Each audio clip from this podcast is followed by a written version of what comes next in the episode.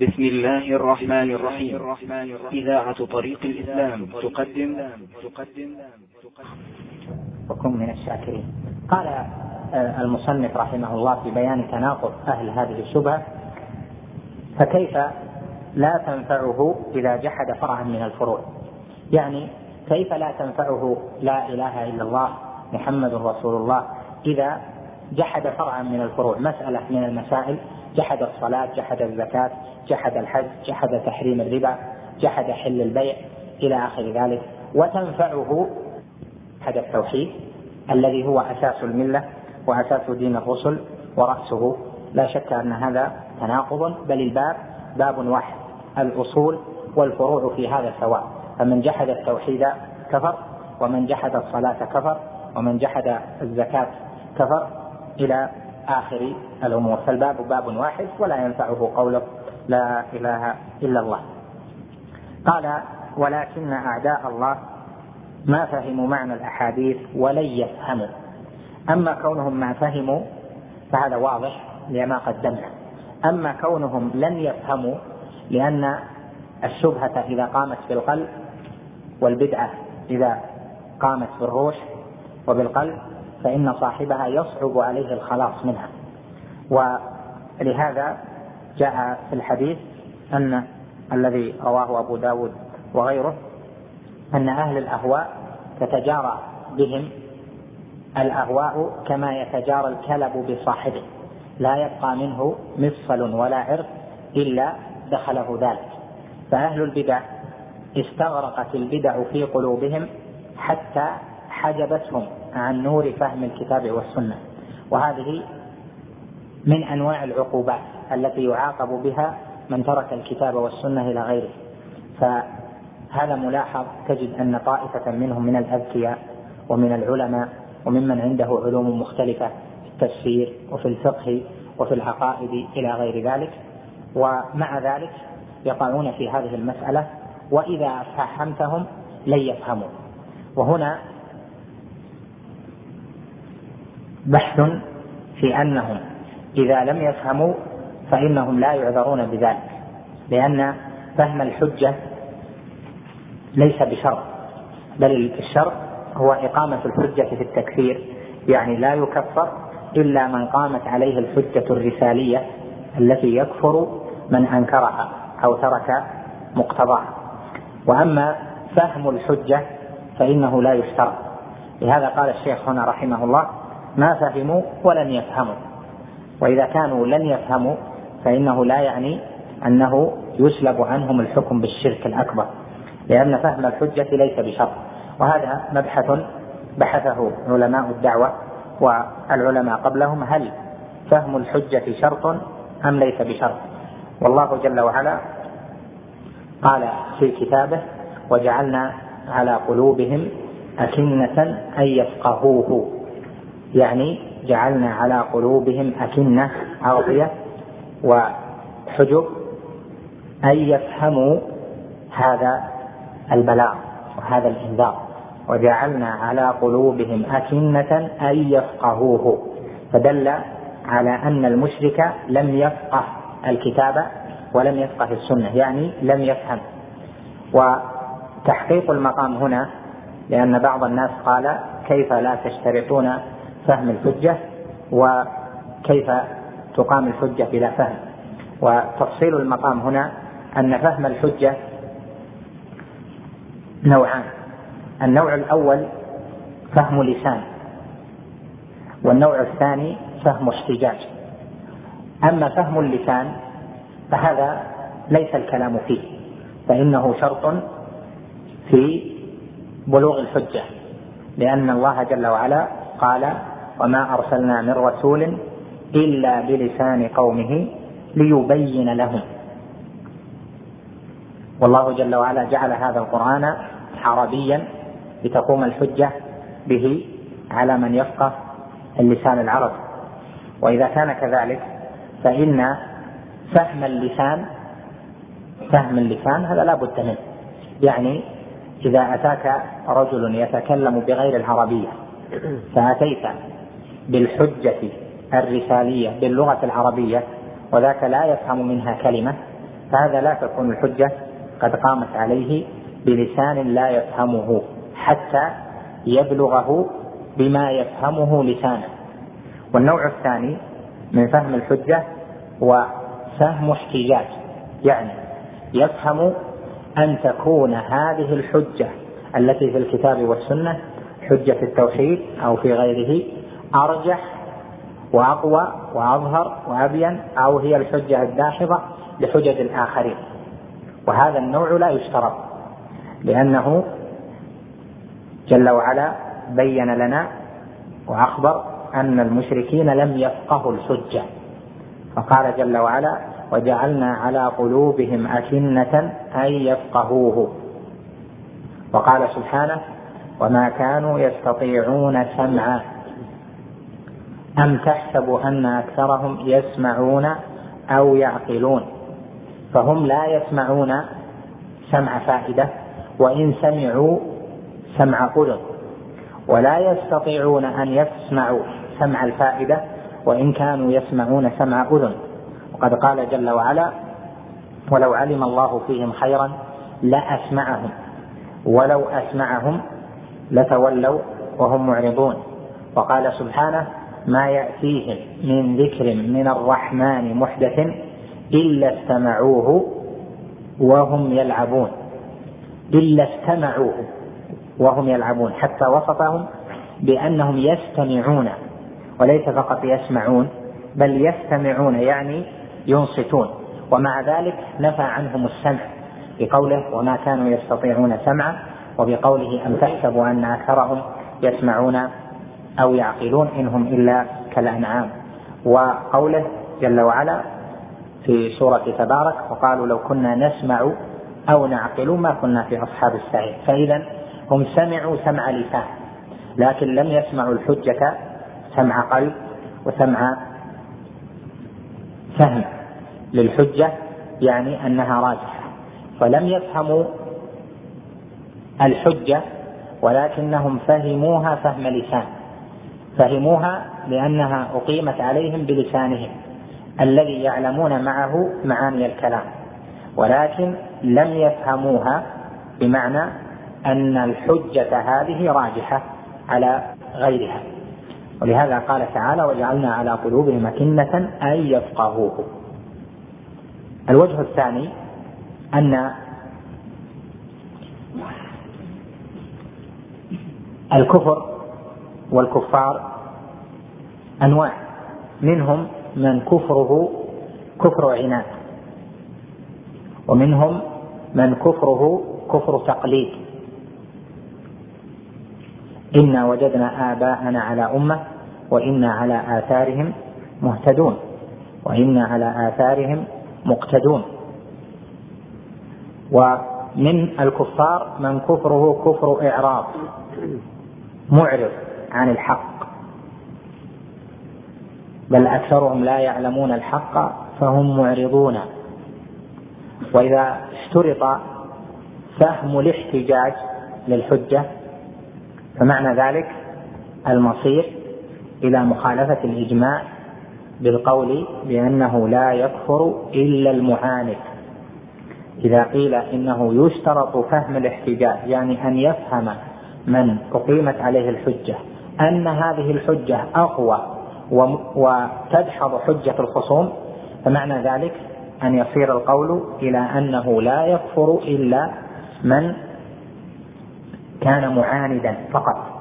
ومعلوم أن الكفار ليسوا كلهم معاندين بل منهم المعاند ومنهم غير المعاند. فمنهم من جحدوا بها واستيقنتها أنفسهم ومنهم المقلد ومنهم المعرض إلى غير ذلك. فإذا فهم الحجة ليس شرطا في إقامتها. ونعني بفهم الحجة فهم الحجة من حيث كونها داحضة لحجج الخصوم ومن حيث كونها أوضح من حجج الخصوم. فلو قال بعد إقامة الحجة عليه وبيان الأدلة من الكتاب والسنة وبيان معنى العبادة ويقيم الحجة عالم يعلم كيف يقيم الحجة ويزيل الشبهة لهذا يقول العلماء الحجة الرسالية مثل ما يقول شيخ الإسلام في مواضع كثيرة ويكفر من قامت عليه الحجة الرسالية. حجة الرسالية يعني التي يقيمها الرسل أو ورثة الرسل ممن يحسن إقامة الحجة. سمع بالحجة وأنصت لها ثم لم يقتنع قال أنا لم أقتنع. فعدم الاقتناع هو عدم الفهم. ليس بشرط في تمام إقامة الحجة. لهذا الشيخ رحمه الله نبه على ذلك بقوله ولم يفهموا وكونهم لم يفهموا بما أشربت قلوبهم من حب الشرك وحب البدع ومخالفة السنة. ثم بين رحمه الله فقال فأما حديث أسامة فإنه قتل رجلا ادعى الإسلام بسبب أنه ظن أنه ما ادعى الإسلام إلا خوفا على دمه وماله. والرجل إذا أظهر الإسلام وجب الكف عنه حتى يتبين منه ما يخالف ذلك وأنزل الله تعالى في ذلك يا أيها الذين آمنوا إذا ضربتم في سبيل الله فتبينوا ولا تقولوا لمن ألقى إليكم السلام لست مؤمنا. الآية.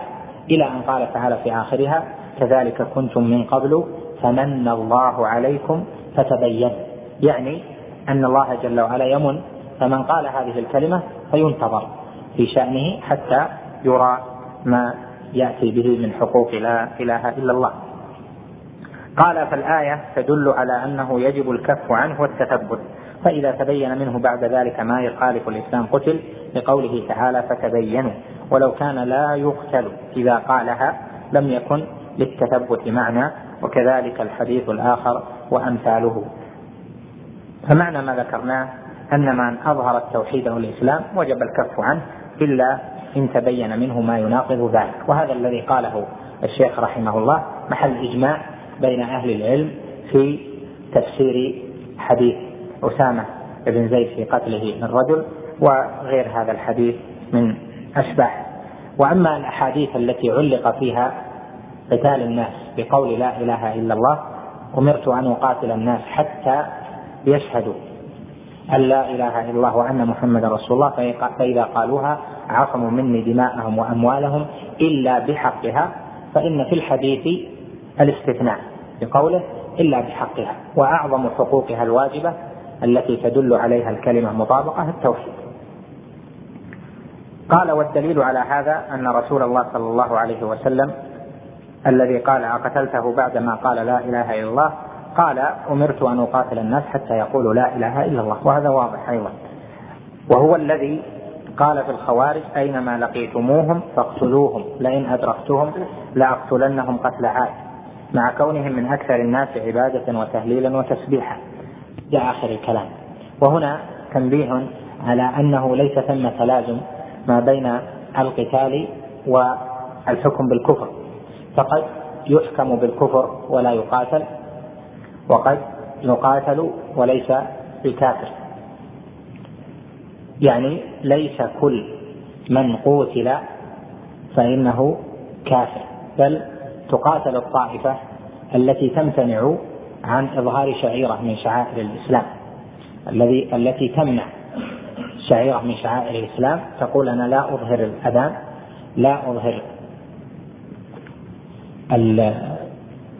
الصلوات جماعة لا ندعو كل يصلي مثلا في بيته لا نقيم المساجد ونحو ذلك من شعائر الإسلام فإنهم وإن كانوا مقرين بذلك لكن إن منعوا هذا فإنهم يقاتلون وإن كان تركهم لبعض السنن.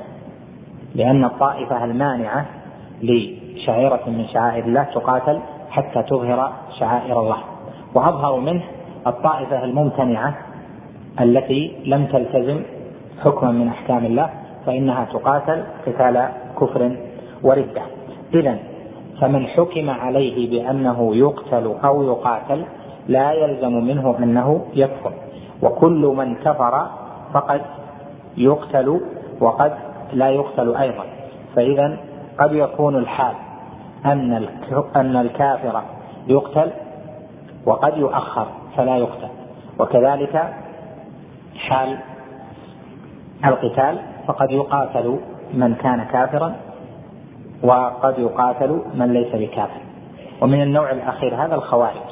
فإن الخوارج لا يحكم بكفرهم لأن علي رضي الله عنه سئل عنهم أكفار هم؟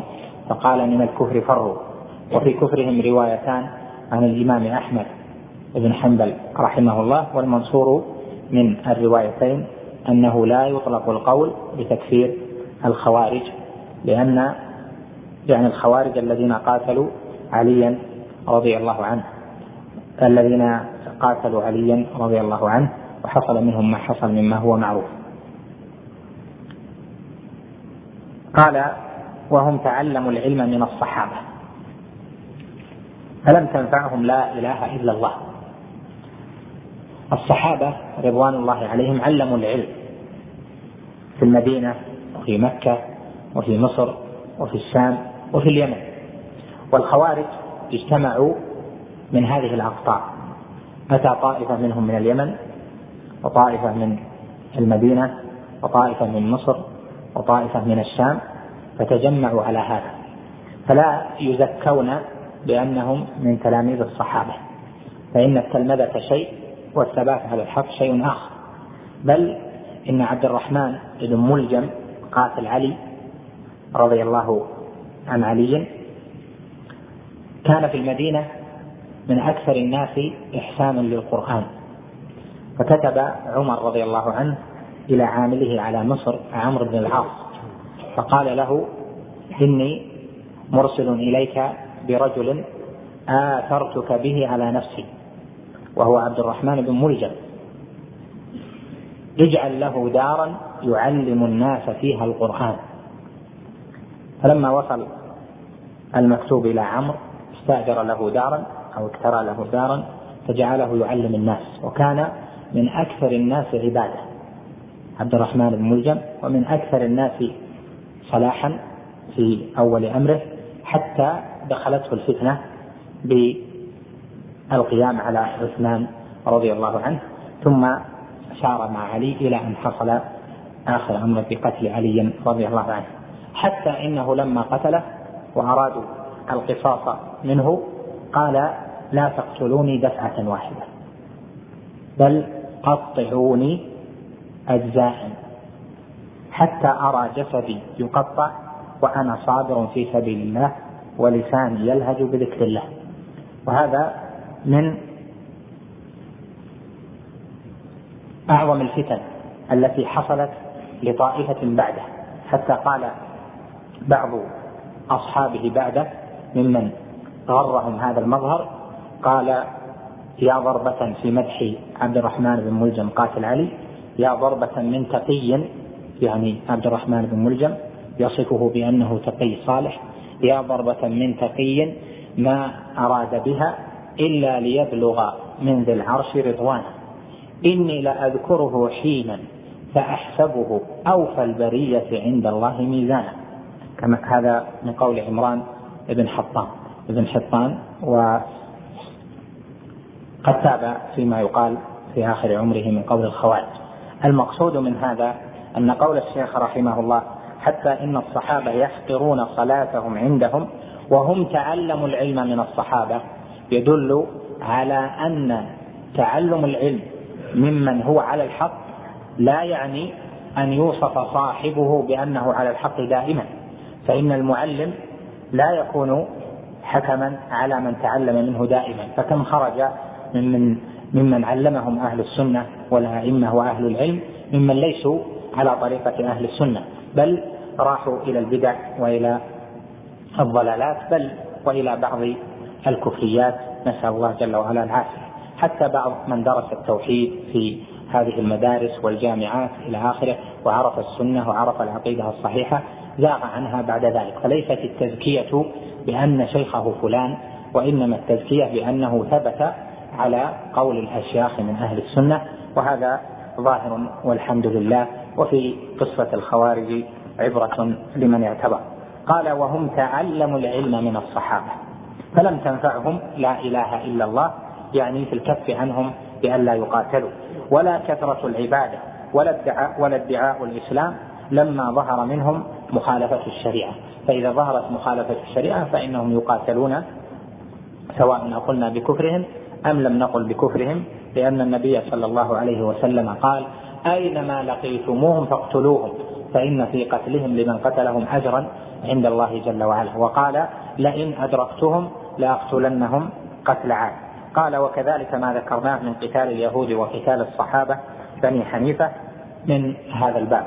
وكذلك أراد صلى الله عليه وسلم أن يغزو بني المصطلق لما أخبره رجل منهم أنهم منعوا الزكاة حتى أنزل الله يا أيها الذين آمنوا إن جاءكم فاسق بنبأ فتبينوا وكان الرجل كاذبا عليهم. وكل هذا يدل أن مراد النبي صلى الله عليه وسلم في الأحاديث التي احتجوا بها ما ذكرناه وهذا تطويل من الشيخ رحمه الله للإيضاح واستطراد للبيان في أن قول لا إله إلا الله محمد رسول الله لا ينفع صاحبه إلا إذا أتى بحقوقه إلا بحقها وحسابهم على الله عز وجل.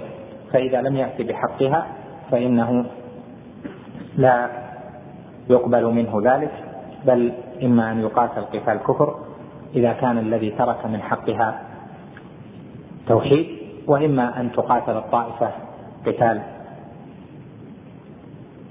بغاة إذا كان الذي تركوا من حقها دون التوحيد فمنعوه ولم يمتنعوا منه. نكتفي بهذا القدر. يعني موجودة عندنا. لم يفهموا ولن يفهموا. مثل ما ذكرت لك لأن صاحب البدعة ما يرجع عن بدعته إذا دخلت قلبه. إذا استحكمت منه لا يرجع. مثل ما جاء في بعض الأحاديث أبى الله أن يقبل من صاحب بدعة توبة. وفي لفظ آخر إن الله حجز التوبة عن كل صاحب بدعة وزاد في بعض ألفاظه حتى يدع بدعته. والملاحظ أن الذين دخلت فيهم البدعة واستحكمت فيهم أنهم لا يرجعون لأن أولئك يرونها تدينا. يرون أن هذا هو الحق وأن غيره باطل فلهذا لا يدعه إلى غيره. فالعبرة بالحق المطلق لا بالحق الإضافي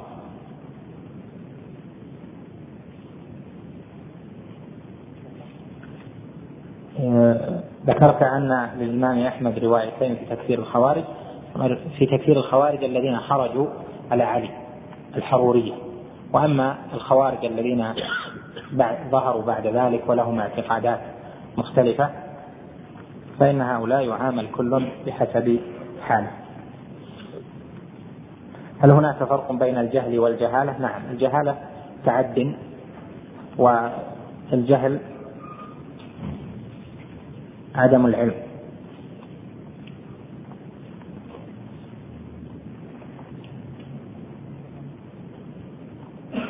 أليس ظاهر كلام الشيخ أنه يرى كفر الخوارج كما ذهب إليه بعض العلماء من السلف؟ نعم هو ظاهر كلامه وهو كلامه على القتال وعدم انتفاع الانتفاع بلا إله إلا الله في ترك مقاتلتهم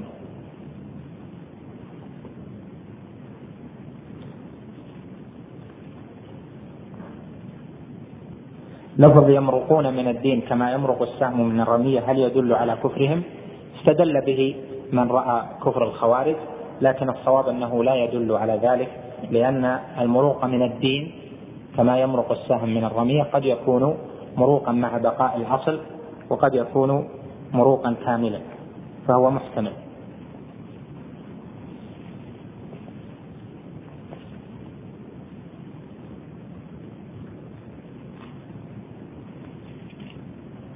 من عمل عمل كفر سواء كان قوليا أو فعليا لكنه يجهل الحكم أن هذا كفر. جرت عادة بلده بهذا. يعني السؤال غير منضبط. كيف يكون عمل كفر وهو قولي أو فعلي؟ لابد يحدد الصورة التي يسأل عنها. لما قام ابن ملجم بأمر أصحابه بتقطيع نفسه حتى الموت؟ وما أمر أصحابه أن يقطعوه؟ وقال طلب طلب من ورثة علي من الحسن والمسلمين أن لا يقتلوه دفعة واحدة وهم قتلوه بالسيف ضربة واحدة. نكتفي بهذا القدر صلى الله وسلم وبارك على نبينا محمد.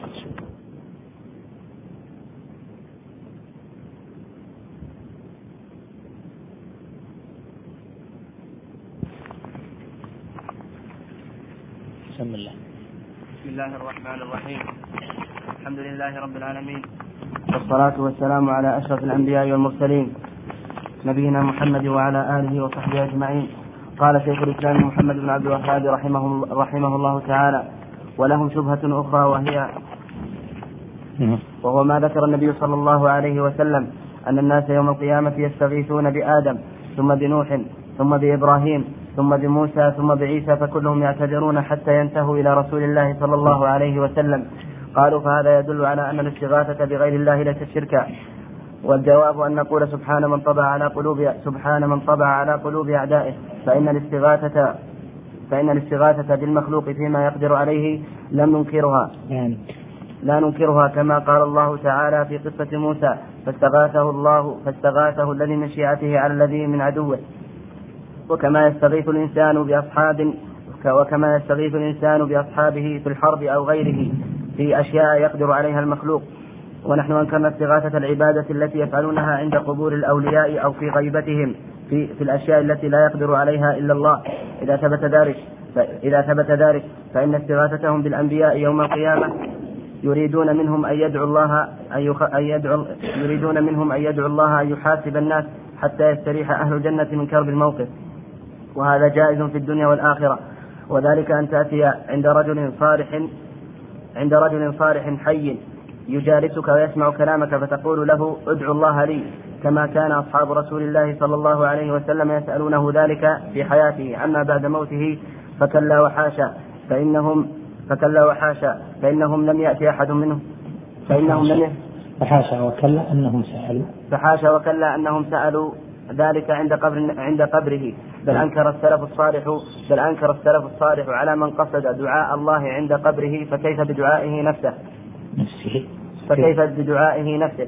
ولهم شبهة أخرى وهي قصة إبراهيم عليه السلام لما ألقي في النار اعترض له جبريل في الهواء فقال له ألا تحاد؟ بسم الله الرحمن الرحيم.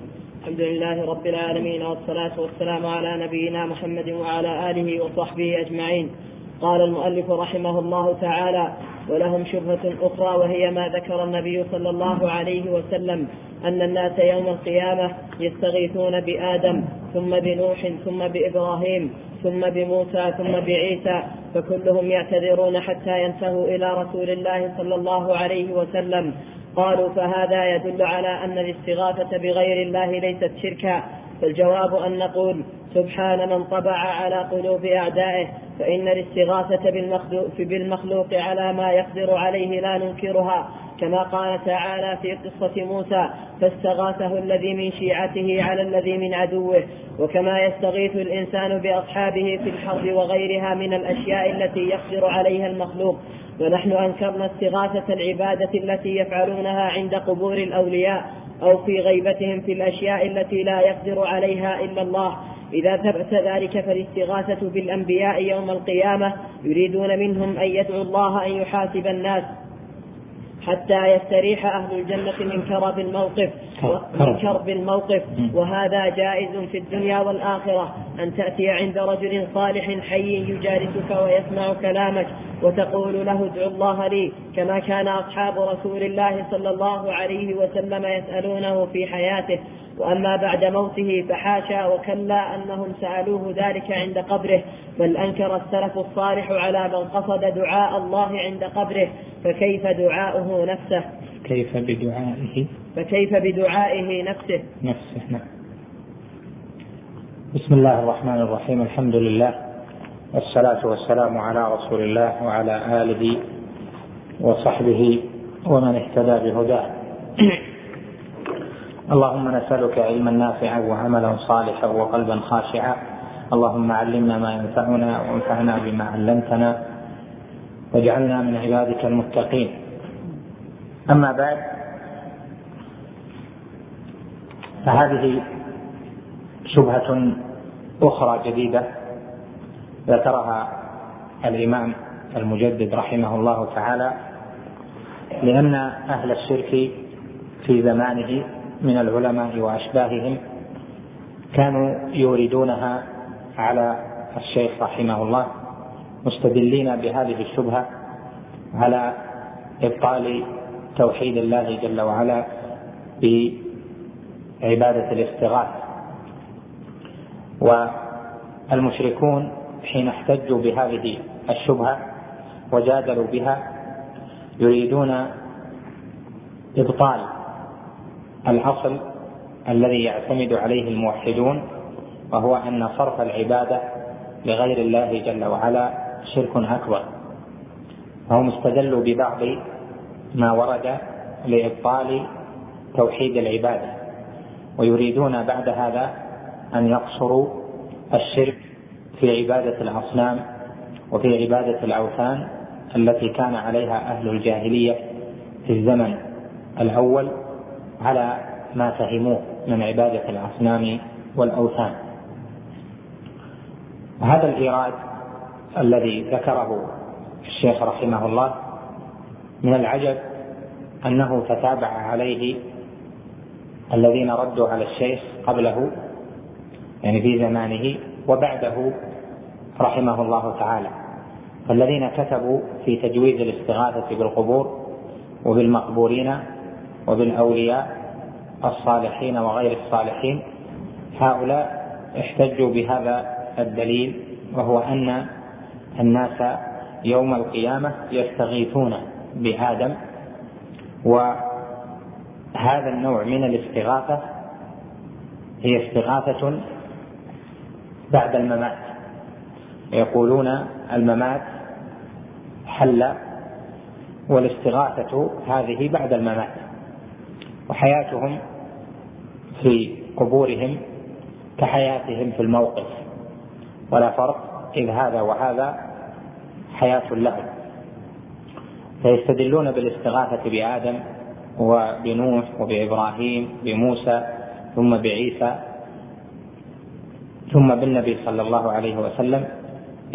يستدلون بذلك على أن الاستغاثة بغير الله جل وعلا ممن ليس في الحياة الدنيا جائزة وهذا هو الذي ذكره الشيخ رحمه الله هنا حيث ساق ما ساق.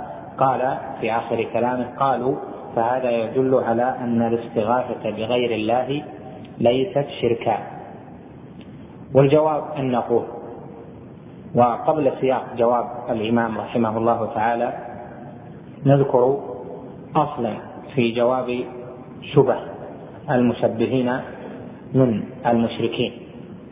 وذلك أن توحيد العبادة أدلته كثيرة محكمة والمجيب على الشبه إذا إذا اشتبه عليه جواب فإنه يعود إلى الأصل وهو تقرير الأدلة التي جاءت في توحيد العبادة ثم يدخل الصورة هذه التي أوردها المشبه في تلك الأدلة حتى يبطل الاستدلال من وجه إجمالي. وهذه طريقة نافعة.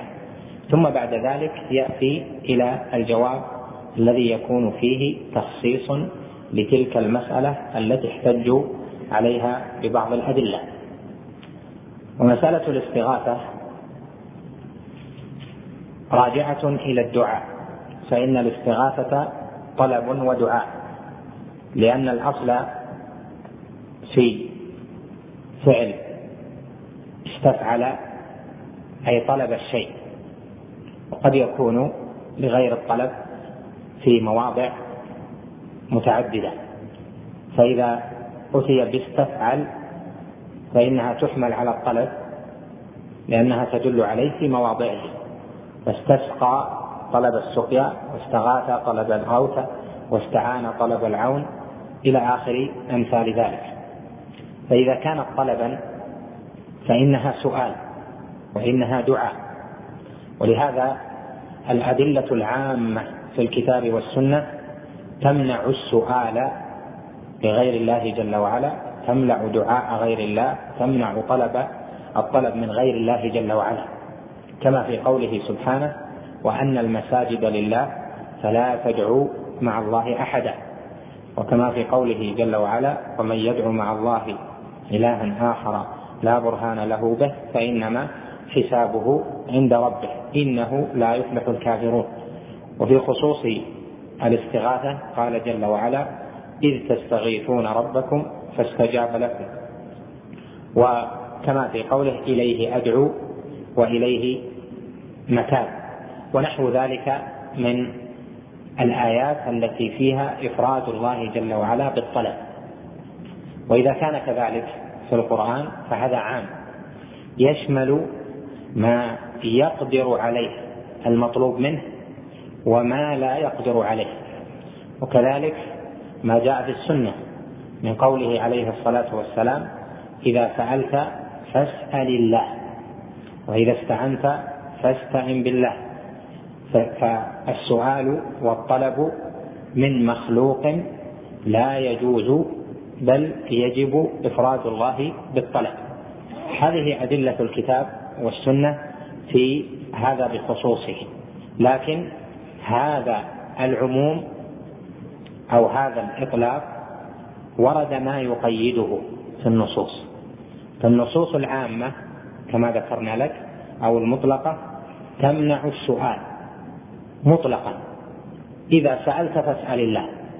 بلا تفصيل. هل يقدر أو لا يقدر؟ هل هو حي أم ليس بحي؟ هل هو حاضر أم ليس بحاضر؟ إذا سألت فاسأل الله. وإذا استعنت فاستعن بالله. وكذلك وأن المساجد لله فلا تدعوا مع الله أحدا. لكن جاء في القرآن وفي السنة تقييدات جعلتنا نقيد هذا العموم نقيد هذا الإطلاق أو نخص هذا العموم ببعض الصور. ولهذا القيود في الأدلة ظاهرة. فجعلوا تلك المطلقات مشروطة بشروط.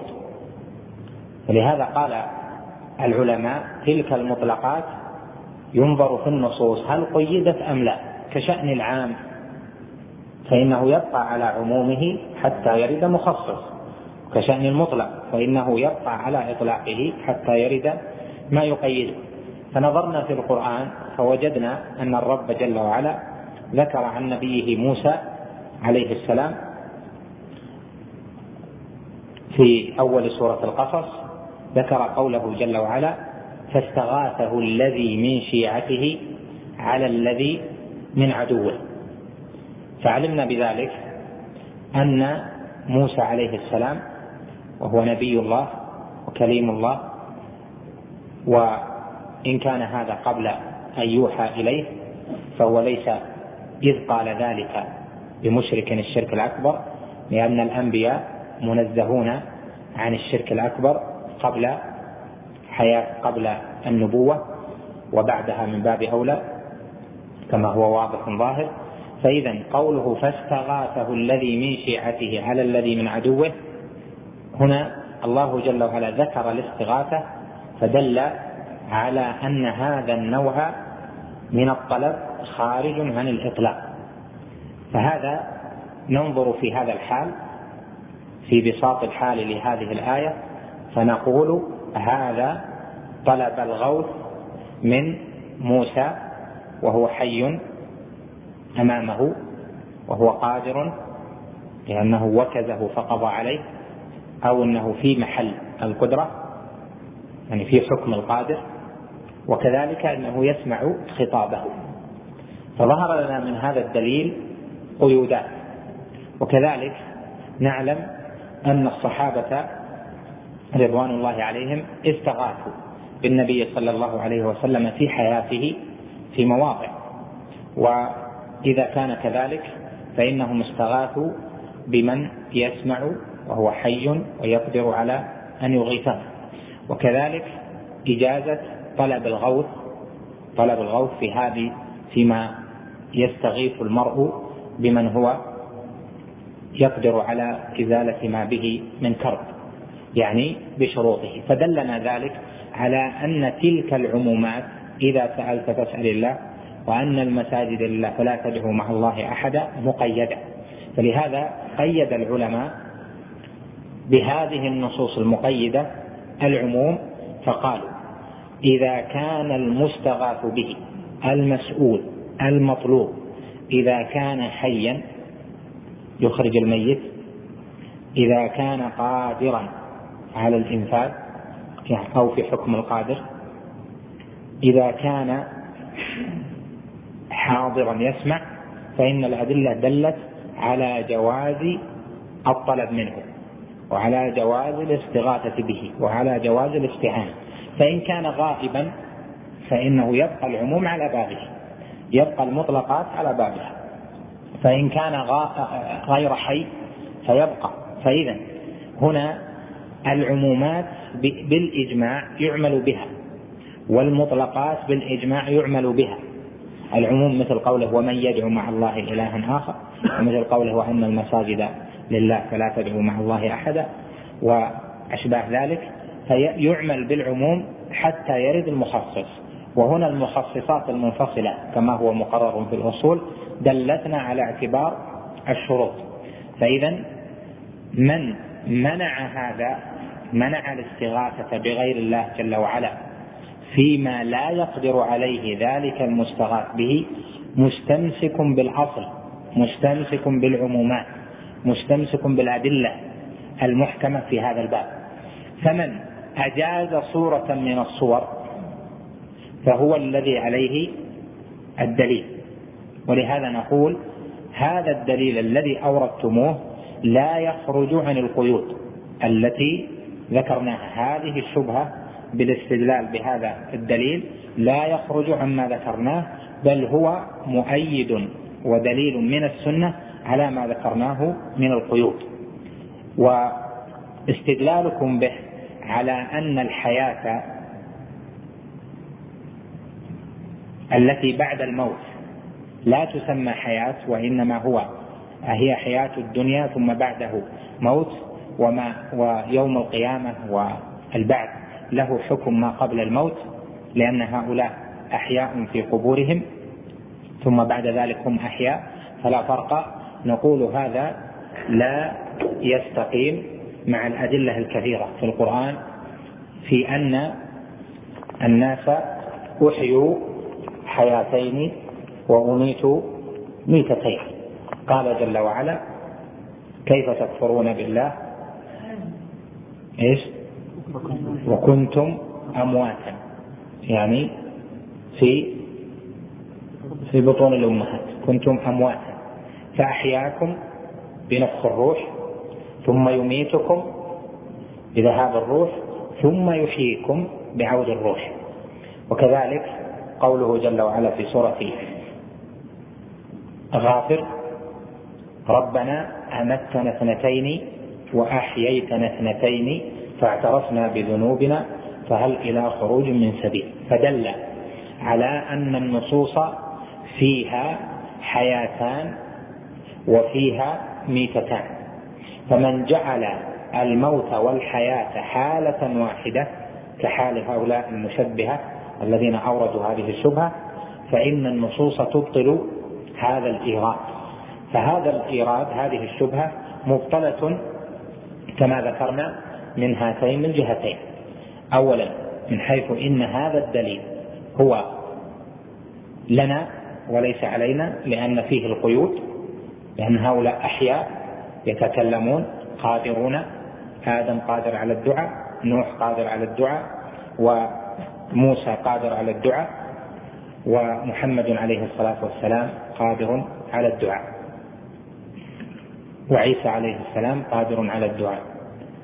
ثم نقول إن هؤلاء كانوا في حياة ثم صاروا إلى موت وهم مع موتهم في حياة برزخية أكمل من حياة الشهداء لكن فرق بين أحكام الموت وأحكام الحياة ثم يصيرون إلى حياة. فدل على تنوع الأحوال. فلكل حال دليلها الذي يخصها. فإذا أولا جواب الشبهة هذه العمومات باقية. ادعاء أن هذا الدليل يصلح لجواز الاستغاثة بغير الله جل وعلا باطل لأنهم استدلوا بشيء استدلوا بدليل في الحياة والكلام معهم في الممات إذا قالوا الممات وما بعده من يوم القيامة. كل هذا يعتبر نوع واحد من الحياة. نقول النصوص دلت على أن ثمة حياتين وثمة موتين. فإذا يحتاجون إلى دليل آخر ولا دليل عندهم. هذا تقرير لهذه المسألة ولك أن تنظر مثلها في كل أنواع الطلب. كل أنواع التي استدلوا بها في أنواع الطلب تستدل بمثل هذا لأنهم يوردون بعض الأدلة والآثار والإسرائيليات في مثل هذا فلك أن تطرد, تطرد هذا في أمثاله. قال الإمام رحمه الله تعالى وأجل له المثوبة والجواب. أن تقول سبحان من طبع على قلوب أعدائه. وهذا تنزيه لله جل وعلا في مسألة عظيمة وهي مسألة القدر لأنهم طبع على قلوبهم فلا يفقهون إلا قليلا. فإن الاستغاثة بالمخلوق فيما يقدر عليه لا ننكرها. تستدلون بشيء ليس هو في في المسألة التي فيها البحث. المسألة التي فيها البحث الاستغاثة بالأموات الاستغاثة بمن لا يقدر. وأنتم تستدلون بدليل ليس في محل الدعوة. ولا شك أن هذا باطل عند جميع العقلاء. استدلال بدليل ليس في محل الدعوة استدلال باطل. فإن الاستغاثة بالمخلوق فيما يقدر عليه لا ننكرها. وتلحظ هنا قوله فيما يقدر عليه. وفي آخرها قال في الأشياء التي لا يقدر عليها إلا الله. وبين العبارتين فرق هنا فيما يقدر عليه وهناك فيما لا يقدر عليه إلا الله. والجواب عن هذا الإيراد أن ضابط الاستغاثة كما ذكره في أول الكلام أن الاستغاثة بالمخلوق جائزة فيما يقدر عليه. والإستغاثة الشركية وأن يستغيث بالمخلوق فيما لا يقدر عليه المخلوق. أو فيما لا يقدر عليه إلا الله. لأن بين العبارتين فرقا. قد هو لا يقدر ولكن الآخر يقدر. قد لا يقدر هو ولكن الآخر يقدر. وهذه من حيث الاستغاثة. بغير الله جل وعلا فيما لا يقدر عليه ذلك الغير تحتاج إلى تفصيل. وقد ذكرنا شيئا من تفصيلها في شرح كتاب التوحيد كما هو موجود في شروح كتاب التوحيد. وخلاصة الأمر أن الضابط الأيسر أن تقول فيما لا يقدر عليه إلا الله. وأما فيما يقدر عليه المخلوق لأنه جائز وفيما لا يقدر عليه المخلوق لأنه شرك هذه تحتاج إلى ضوابط. فمثال ذلك لو استغاث بمهندس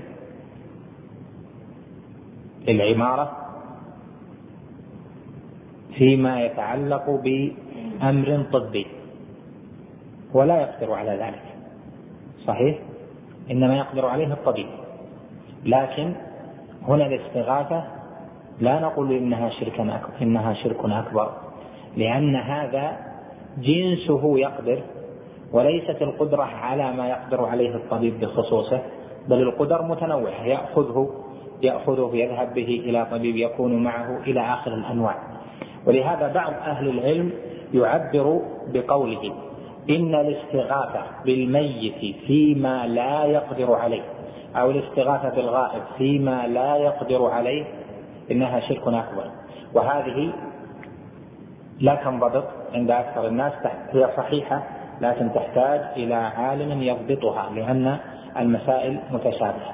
فالذي يضبط المسألة هو قول الشيخ في آخر الكلام أو في غيبتهم في الأشياء التي لا يقدر عليها إلا الله. يعني إذا طلب من المخلوق الميت أو الغائب شيء لا يقدر عليه إلا الله فإنه يكون شركا أكبر. أما فيما يقدر عليه المخلوق لكن هذا المخلوق المعين لا يقدر عليه قد تكون وقعت شبهة عند المستغيث. وحال الاستغاثة يكون هناك ضعف وقد يكون هناك ظن أن هذا يقدر أن يغيث. إلى آخر ما يتصل بهذا مما ذكرنا شرحا. المقصود من هذا أن الضابط الأخير اللي ذكره الشيخ في الأشياء التي لا يقدر عليها إلا الله هذا ضابط صحيح كما ذكره الشيخ في الحكم بالشرك والأول في الحكم بالجواز لهذا الشيخ نوع العبارة فقال الاستغاثة بالمخلوق فيما يقدر عليه جائز والاستغاثة بالمخلوق فيما لا يقدر عليه إلا الله الشرك أكبر. وهذا ضابط صحيح وهو أحسن من أن نقول في المقامين فيما يقدر عليه المخلوق أو فيما لا يقدر عليه لما يحصل معها من الاشتباه.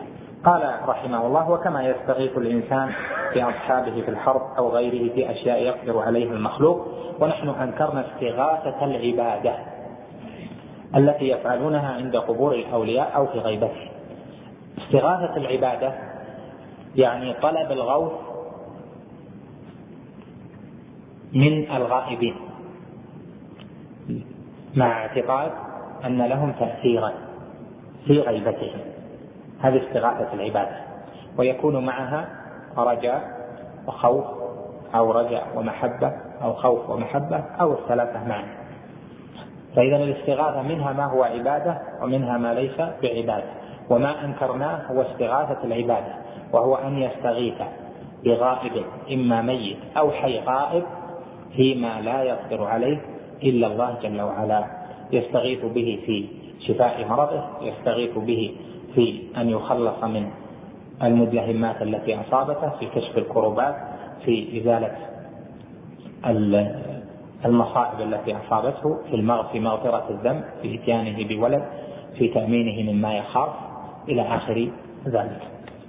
قال إذا ثبت ذلك يعني الجواب الأول اللي ذكره الشيخ وجه الاستدلال لصالحه.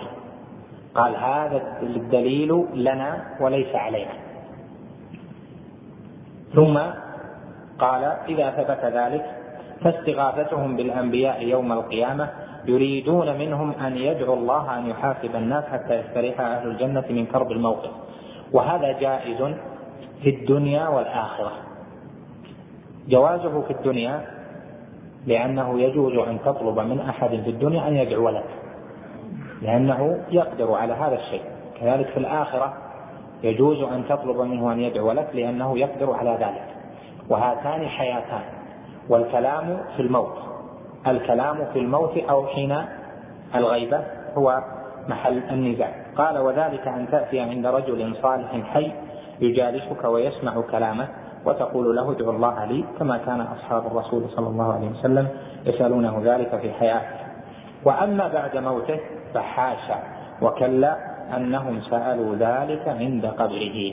يعني أن الصحابة لم يرد عنهم شيء البتة وحاشاهم وكلا أنهم أتوا قبر النبي صلى الله عليه وسلم فاستغاثوا به أو أتوا قبره فاستشفعوا به. طلبوا منه الدعاء فهذا لم يكن يفعله الصحابة رضوان الله عليهم بعد موته البتة. قال بل أنكر السلف على من قصد دعاء الله عند قبره فكيف بدعائه عليه الصلاة والسلام نفسه؟ يعني السلف الصالح كما في قضية علي علي بن الحسين آه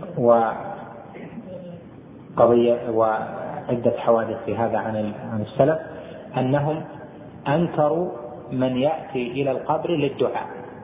وإنما من دخل المسجد فسلم كفى أو من أتى من سفر كما كان يفعل ابن عمر رضي الله عنهما وغيره يأتي فيسلم على النبي عليه الصلاة والسلام. سلام. أما أن يتخذ القبر محلا للدعاء يعني ما حول القبر أو أنه يدعى النبي عليه الصلاة والسلام نفسه فهذا لم يكن عند السلف.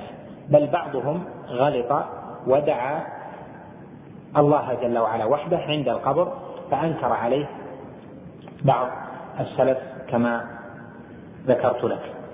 إذا أنكروا على من قصد القبر لدعاء الله جل وعلا فكيف لا ينكرون من قصد القبر لدعاء المقبول نفسه؟ لا شك أن هذا أولى بالإنكار. المقصود من هذا أن الشبهة هذه ليست بمستقيمة بل هي داحضة كما هي شبه أهل الشرك. ولله الحمد أهل السنة وأهل التوحيد ليس لهم غرض في هذا الأمر. لم يأتوه عن هوى لم يأتوه عن شهوة وإنما أتوه تطبيقا لما جاء في الكتاب والسنة ورعاية لما ورد وتعظيما لحق الله جل وعلا. فلو أجاز الله جل وعلا ذلك لاتبعناه. كما قال سبحانه قل إن كان للرحمن ولد فأنا أول العابدين. لو أجاز الرب جل وعلا ذلك لاتبعناه ولكن لا دليل البتة. يجيز هذا لأن هذا هو الشرك الأكبر بعينه. وهذا عند أهل التوحيد بوضوح وظهور. ولهذا قال كما في القصة المعروفة أن رجلا حاج بعض أهل الشرك فيما هم عليه من الشرك فقالوا له أنتم تقولون هذا لأجل أن محمد بن عبد الوهاب قال تعصبا له. فقال هذا الموحد بكلمة التوحيد الصحيحة الخالصة التي هي عن بينة لا عن تقليد قال لو قام محمد بن عبد الوهاب من قبره فقال ما قلت لكم؟ غلط. لما اتبعناه. لما؟ لأنهم أخذوه بالحجة ليس بالحجة من قول محمد بن عبد الوهاب إنما بالحجة من قول الله جل وعلا وقول رسوله صلى الله عليه وسلم وإجماع سلف الأمة. والإمام محمد بن عبد الوهاب إمام مصلح مجدد دل الناس على معاني النصوص وهذه وظيفة أهل العلم. أهل العلم الراسخون منهم يؤخذ قولهم لأنهم دلوا الناس على معاني النصوص وفي فقههم للنصوص وفهمهم لها قالوا هذا معنى الآية وهذا ما دل عليه القرآن هذا ما دلت عليه السنة أو تارة يجتهدون ويذكرون من القواعد ما يكون في نفوسهم من دلالات النصوص فيفهمون من الشريعة بمجموع أدلتها وبروح الشريعة أن الشريعة أتت بكذا. فيقولون هذا ويقبل كلامهم لأنهم هم الفقهاء بالكتاب والسنة. والإمام المصلح رحمه الله إنما قال للأمة معنى الآيات كذا ومعنى الأحاديث كذا ودلت على هذا. فإذا هو ناقل للكتاب والسنة وموضح لمعناهما لما آتاه الله جل وعلا من متابعة السلف الصالح ومن الرسوخ في العلم وفهم الأدلة. فإذا ليست المسألة عن تقليد وإنما هي عن وضوح عن وضوح حجة ووضوح برهان. ولله الحمد والمنة. نعم. قال ولهم شبهة أخرى وهي قصة إبراهيم.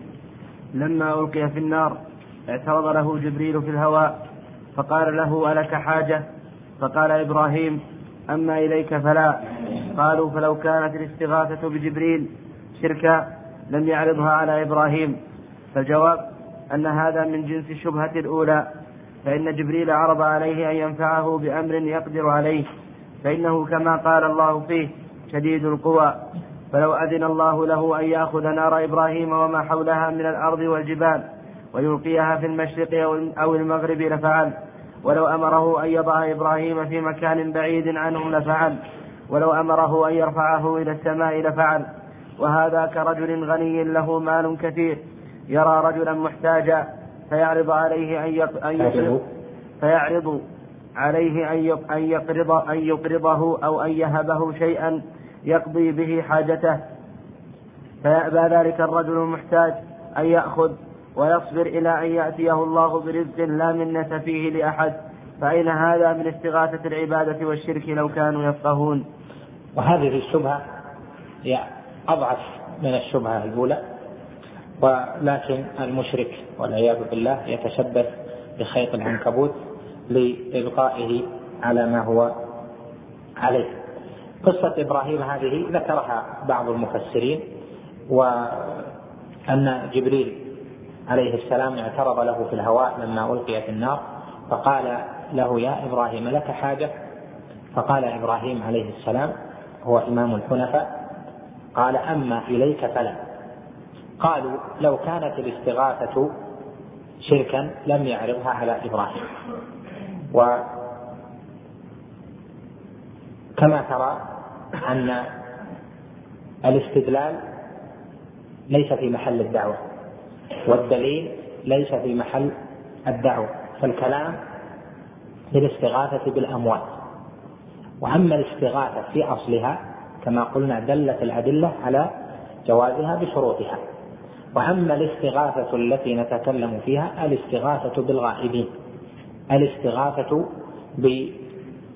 بالأموات. ولهذا لو قال قائل لهم لهؤلاء إذا كنتم تقولون ذلك فهل يجيز أحد منكم أن يستغيث بإنسان اليوم مجمع على حياته بين المسلمين؟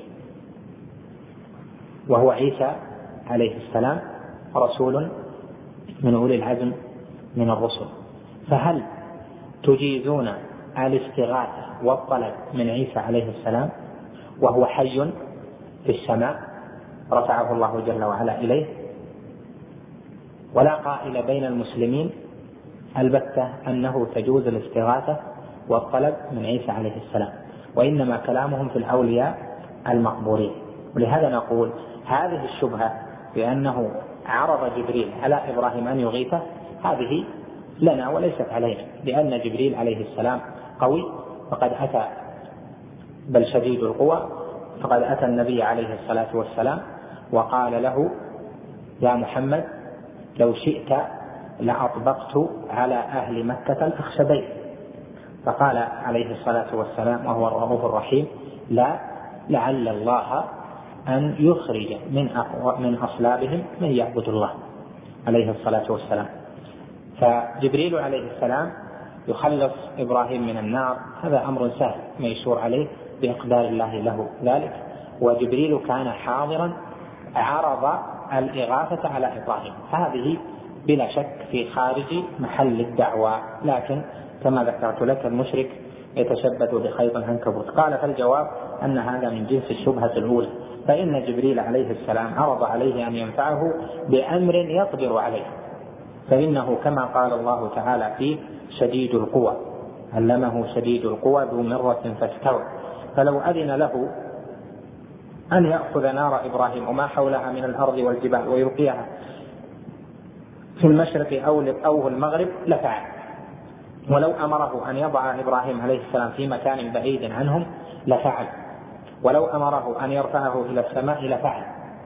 ولكن إبراهيم عليه السلام في هذا أرادها من الله جل وعلا. وهذا يدل على الأصل الذي أصلناه ودلت عليه النصوص وهو أنه من استغنى عن الخلق فهو أحمد فهو المحمود لأن الأصل أن يستغنى عن الخلق. لكن الناس لا تستقيم أمورهم إلا بحاجة بعضهم إلى بعض ولهذا ثبت في صحيح مسلم أن النبي صلى الله عليه وسلم أوصى عددا من أصحابه أن لا يسأل الناس شيئا. قال فكان أحدهم يسقط صوته وهو على دابته فلا يسأل أحدا أن يرفعه إليه بل ينزل ويأخذ منه. وذلك الكمال. والنبي عليه الصلاة والسلام كان قلما يحتاج إلى غيره. إذا كان الشيء يمكن أن يعمله بنفسه عمله بنفسه عليه الصلاة والسلام يعني في العصر. وأما آه، غير ذلك فهو جائز لكن ليس هو الأصل. يعني أن هذا الدليل الذي أوردوه وإن لم يستقم دليلا لكن هذا لنا وليس علينا. قال من حيث التمثيل وهذا كرجل غني له مال. كثير يرى رجلا محتاجا فيعرض عليه أن يقرضه أو أن يهبه شيئا يقضي به حاجته فيأبى ذلك المحتاج أن يأخذ ويصبر إلى أن يأتي الله برزق لا منة فيه لأحد. فأين هذا؟ من استغاثة العبادة والشرك لو كانوا يفقهون وهذا الجواب واضح الدلالة واضح القوة ولكن المشركون طبع الله على قلوبهم. نكتفي بهذا القدر. بقي معنا قد يكون بقي درسان أو ثلاثة.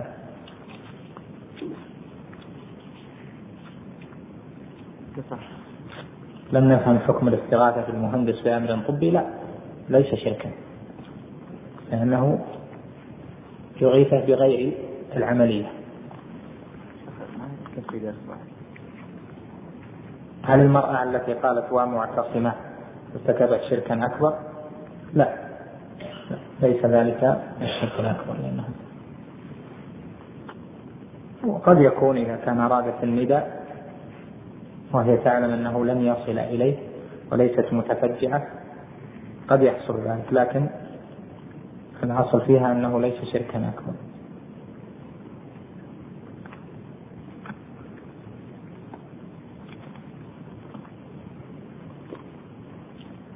كلهم يسألون عدد هل القصة هذه ثابتة تحتاج إلى إلى مراجعة.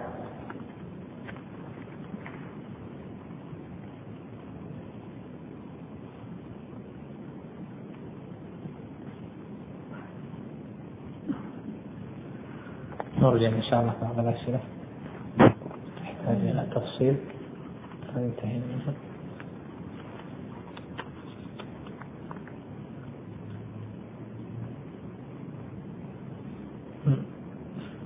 ماذا تعني بقولك أن عيسى مجمع على حياته في السماء؟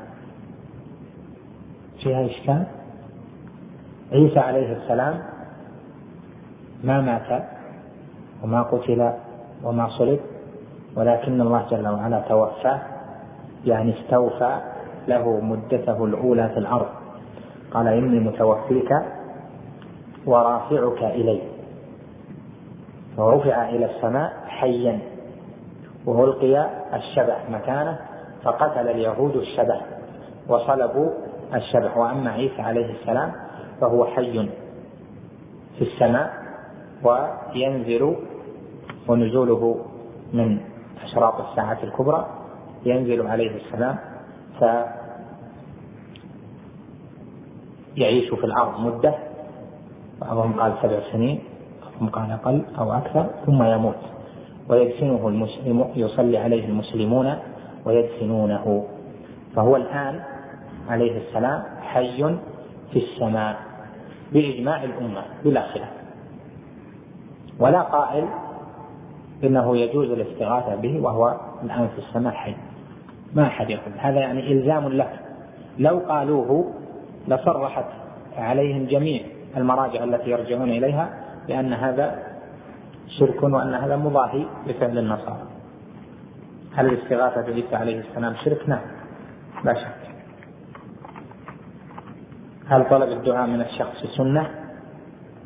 طلب الدعاء من الحي يعني ترى من ترجو أن يجاب إما لكونه صالحا أو لأنه يتحرى أوقات الإجابة أو لأنه في سفر أو ما أشبه ذلك من أسباب الإجابة فتطلب منه أن يدعو لك. الأولى أن لا تطلب منه. وإذا طلبت فإن السنة أن تنوي نفعه ونفعك جميعا. لا تنوي أن يعني حين تطلب أنك محتاج إلى أن يدعو لك. هذا خلاف السنة. السنة أن تنوي أن تنوي النفع يعني حين تطلب منه الدعاء تريد أن تنفعه بأن يؤمن بأن يؤمن الملك ويقول ولك بمثل وتنفع نفسك أيضا بإجابة الدعاء. هذا هو التحقيق.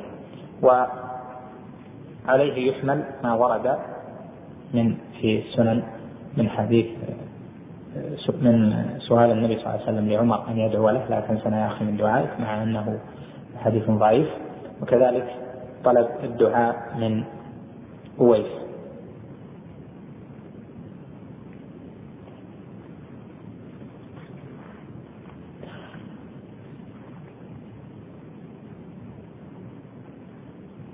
وأن بقي علينا يسأل متى نقف. ننتهي إن شاء الله من المتن. بقي درسان إن شاء الله ننتهي.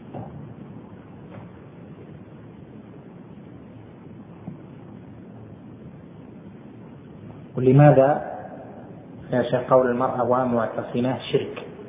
قصده ليس بشرك مع أنها استغاثت بغائب ليس بموجود لأنه آه، ومعتصمة وهذه ليست متمحضة للنداء ولا للاستغاثة في اللغة. تحتمل أنها للتفجع تحتمل أنها للندبة. وفي اللغة اللفظ محتمل. وادرأوا الحدود بالشبهات. بارك الله فيكم وصلى الله وسلم على نبينا بسم الله الرحمن الرحيم. الحمد لله رب العالمين والصلاة والسلام على أشرف الأنبياء والمرسلين. نبينا محمد وعلى آله وصحبه أجمعين. قال الإمام المجدد شيخ الإسلام شيخ الإسلام محمد بن عبد الوهاب رحمه الله تعالى. ونختم الكلام إن شاء الله تعالى بمسألة عظيمة مهمة تفهم مما تقدم. ولكن نفرد لها الكلام لعظم شأنها ولكثرة الغلط فيها فنقول لا خلاف أن التوحيد لا بد أن يكون بالقلب واللسان والعمل. فإن اختل شيء من هذا لم يكن الرجل مسلما. فإن عرف التوحيد ولم يعمل به فهو كافر معاند كفرعون وإبليس وأمثالهما. وهذا يغلط فيه كثير من الناس. وهذا يغلط فيه كثير من الناس. يقولون هذا حق ونحن نفهم هذا ونشهد أنه الحق. ولكننا لا نقدر أن نفعله. ولا يجوز عند أهل بلدنا إلا من وافقهم أو غير ذلك من الأعذار. ولم يدري المسكين أن غالب أئمة الكفر يعرفون الحق. أن غالب أئمة الكفر يعرفون الحق ولم يتركوه إلا لشيء من الأعذار كما قال تعالى اشتروا بآيات الله ثمنا قليلا وغير ذلك من الآيات. كقوله يعرفونه كما يعرفون أبناءهم فإن عمل بالتوحيد عملا ظاهرا وهو لا يفهمه أو لا يعتقده بقلبه فهو منافق. وهو شر من الكافر الخالص إن المنافقين في الدرك الأسفل من النار. وهذه المسألة مسألة كبيرة طويلة تتبين لك إذا تأملتها في ألسنة الناس. ترى من يعرف الحق ويترك العمل به لخوف نقص دنيا أو جاه أو مداراة لأحد. وترى من يعمل به ظاهرا لا باطنا. فإذا سألته عما يعتقد بقلبه فإذا هو لا يعرفه. ولكن عليك بفهم آيتين من كتاب الله. أولاهما قوله تعالى. نعم. بسم الله الرحمن الرحيم.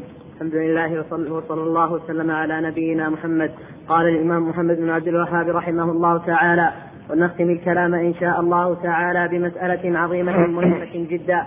تفهم مما تقدم ولكن نفرد لها الكلام لعظم شأنها ولكثرة الغلط فيها فنقول لا خلاف أن التوحيد لا بد أن يكون بالقلب واللسان والعمل فإن اختل شيء من هذا لم يكن الرجل مسلما فإن عرف التوحيد ولم يعمل به فهو كافر معاند كفرعون وإبليس وأمثالهما وهذا يغلط فيه كثير من الناس يقولون هذا حق ونحن نفهم هذا ونشهد أنه الحق ولكن لا نقدر أن نفعله ولا يجوز عند أهل بلدنا إلا من وافقهم وغير ذلك من الأعذار. ولم يدري المسكين أن غالب أئمة الكفر يعرفون الحق ولم يتركوه إلا لشيء من الأعذار كما قال تعالى اشتروا بآيات الله ثمنا قليلا وغير ذلك من الآيات كقوله تعالى يعرفونه كما يعرفون أبناءهم فإن عمل بالتوحيد عملا ظاهرا وهو لا يفهمه ولا يعتقده بقلبه فهو منافق وهو شر من الكافر الخالص. إن المنافقين في الدرك الأسفل من النار. وهذه المسألة مسألة كبيرة طويلة تتبين لك إذا تأملتها في ألسنة الناس ترى من يعرف الحق ويترك العمل به لخوف نقص دنيا أو جاه أو مداراة. نعم. وترى من يعمل به ظاهرا لا باطنا. فإذا سألت فإذا سألته عما يعتقده بقلبه فإذا هو لا يعرفه. بسم الله الرحمن الرحيم، الحمد لله رب العالمين، وأشهد أن لا إله إلا الله وحده لا شريك له، هو الملك الحق المبين، وأشهد أن محمدا عبد الله ورسوله وصفيه وخليله صلى الله عليه وعلى آله وصحبه.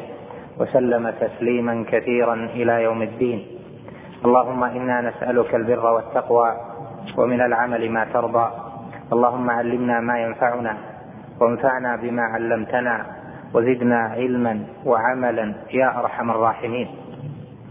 أما بعد فهذه صلة لما سبق أن بينا من مقاصد هذه الرسالة العظيمة كشف الشبهات. ولما أورد الإمام المجدد رحمه الله تعالى جملا من أصول الشبهات التي يوردها أعداء الدين وأعداء دعوة التوحيد ختم الكلام بإيراد شبهة. وهذه الشبهة راجعة إلى العمل.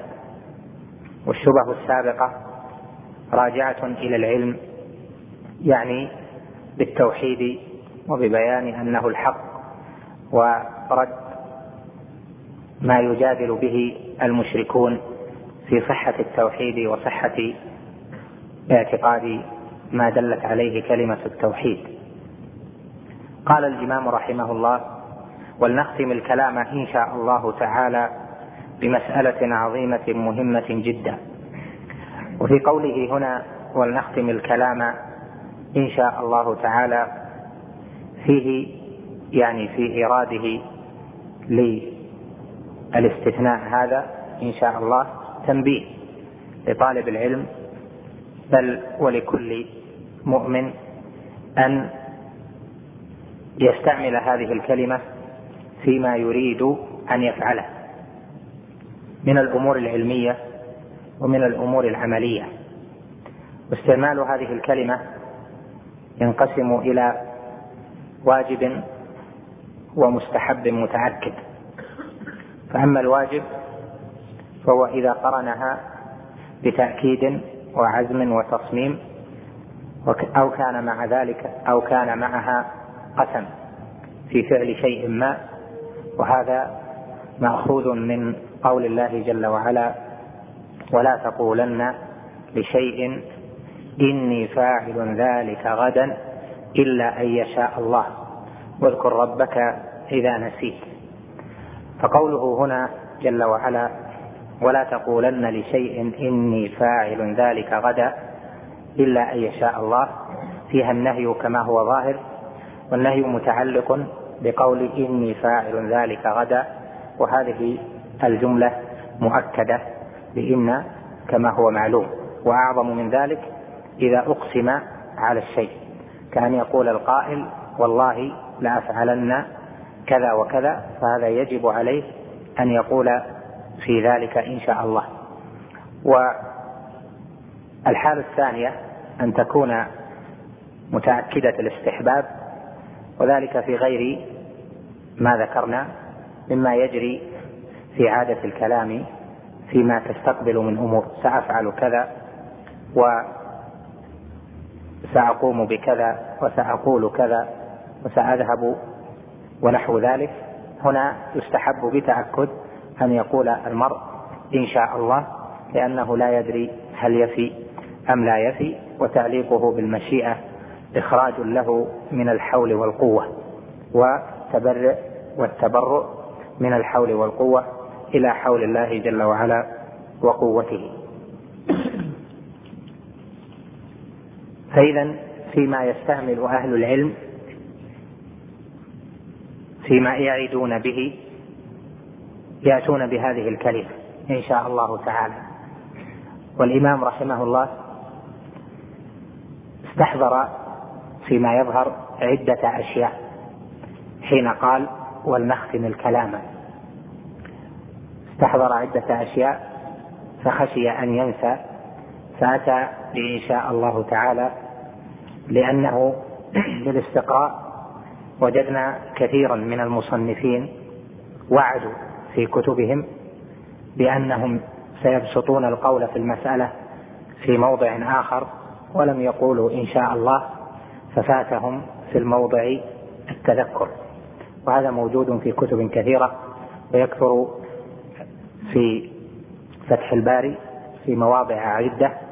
قال ستأتي في كتاب كذا وسيأتي بيانها في باب كذا ولم يقل إن شاء الله ففاتته. مع طول مدة التأليف حيث أمضى في تأليفه أكثر من ثلاثين سنة كما هو معلوم. كذلك صاحب الروض المربع في فقه الحنابلة في مواضع بل في موضع أو موضعين قال وستأتي في كذا. ثم لم يأت بها. المقصود أن طالب العلم حتى ولو كان بحثه قريبا فيما يكتب أو فيما سيتحدث به فيقول إن شاء الله سنتكلم عليها إن شاء الله حتى يوفقه لأن كل شيء بمشيئة الله جل جلاله. قال هنا رحمه الله ولنختم الكلام إن شاء الله تعالى بمسألة عظيمة مهمة جدا. تفهم مما تقدم. يعني أنها لم تتقدم بنصها ولكن بمفهومها. فما تقدم يفهم منه هذا التقرير. والمفهوم لا يتفطن له كل أحد بل الناس يختلفون في التنبه لباطن الكلام. ولإيمائه وإشارته ودلالاته اللازمة. لهذا أورد هنا ما يفهم لكن بالتصريح والإيضاح بشدة أهمية ذلك. قال ولكن نفرد لها الكلام لعظم شأنها ولكثرة الغلط فيها. لعظم شأنها لأنها بها تفرق بين المؤمن والمنافق. كما سيأتي إن شاء الله. ولكثرة الغلط فيها لأن الذين زعموا أنهم من أهل التوحيد وأنهم أقروا به في زمن الشيخ رحمه الله غلطوا في ذلك وظنوا أن الإقرار بالتوحيد يكفي عن أن يتركوا الشرك. فقالوا نعم هذا الذي قاله محمد بن عبد الوهاب حق وهذه دلالات النصوص صحيحة ولكنهم لم يتركوا الشرك عملا ولم يتبرأوا منه عملا مداراة لقومهم أو خوفا على مال أو جاه أو ما أشبه ذلك. لهذا قال ولكثرة الغلط فيها يعني في زمانه وفي كل زمان يشبه زمان فنقول لا خلاف أن التوحيد لا بد أن يكون بالقلب واللسان والعمل. فإن اختل شيء من هذا لم يكن الرجل مسلما. قوله لا خلاف يعني عند أهل السنة والجماعة لأن أهل السنة والجماعة عندهم الإيمان ثلاثة أشياء مسماه يقع على ثلاثة أشياء الاعتقاد الباطن والقول باللسان والعمل بالأركان. فالإيمان عندنا هو اعتقاد بالجنان وهذه هي النون الأولى والقول باللسان وهذه هي النون الثانية والعمل بالأركان. والإيمان أركانه ستة وأعظمها وأولها الإيمان بالله. والإيمان بالله منقسم إلى ثلاثة أقسام. إيمان بتوحيد الله في ربوبيته وإيمان بتوحيد الله في إلهيته وإيمان بتوحيد الله في أسمائه وصفاته. فإن أقر بقلبه بتوحيد الربوبية والألوهية ونطق بلسانه بتوحيد الربوبية والألوهية والأسماء والصفات لكنه لم يعمل بتوحيد الألوهية فلا خلاف أنه فقد ركنا من أركان الإيمان. إذ لم يعمل بالإيمان بالله لأن الإيمان بالله فيه توحيد الله في العبادة. فإذا أشرك مع الله جل وعلا إلها آخر فإنه لا خلاف كما ذكر الإمام رحمه الله أنه لم يصر مسلما بإيمانه بكل الأركان إذا فقد العمل بتوحيد الإلهية. ولهذا قال فإن اختل شيء من هذا يعني من هذه الثلاثة مجتمعة أن يكون بالقلب والمقصود به قول القلب وهو اعتقاده وقولنا قول القلب هذا سماها بعض السلف سمى الإخلاص والاعتقاد قول القلب وهذه تسمية اصطلاحية وإلا فإن القول لا ينسب للقلب لفظا وإنما قيل قول القلب للتقسيم ما بين العمل والقول. فالقول قسيم العمل ولما كان للقلب عمل بالاتفاق سموا ما ليس من عمل القلب قول القلب لاكتمال التقسيم. ولهذا شيخ الإسلام ابن تيمية رحمه الله تعالى يقول في مواضع عن الإخلاص والاعتقاد يقول هو الذي يسميه بعضهم قول القلب.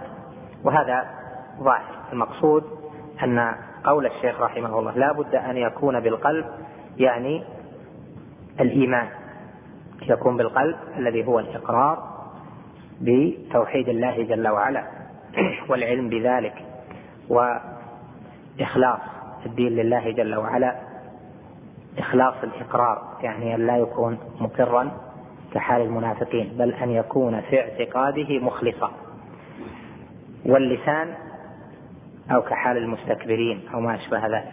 واللسان يعني أن يشهد بما دل عليه الإيمان. والشهادة عند السلف في ما فسروا به موارد الشهادة في القرآن كقوله شهد الله أنه لا إله إلا هو والملائكة وأولو العلم قائما بالقسط وكقوله إلا من شهد بالحق وهم يعلمون. وأشباه ذلك فسروا الشهادة بأنها اعتقاد ونطق وإعلام وإخبار.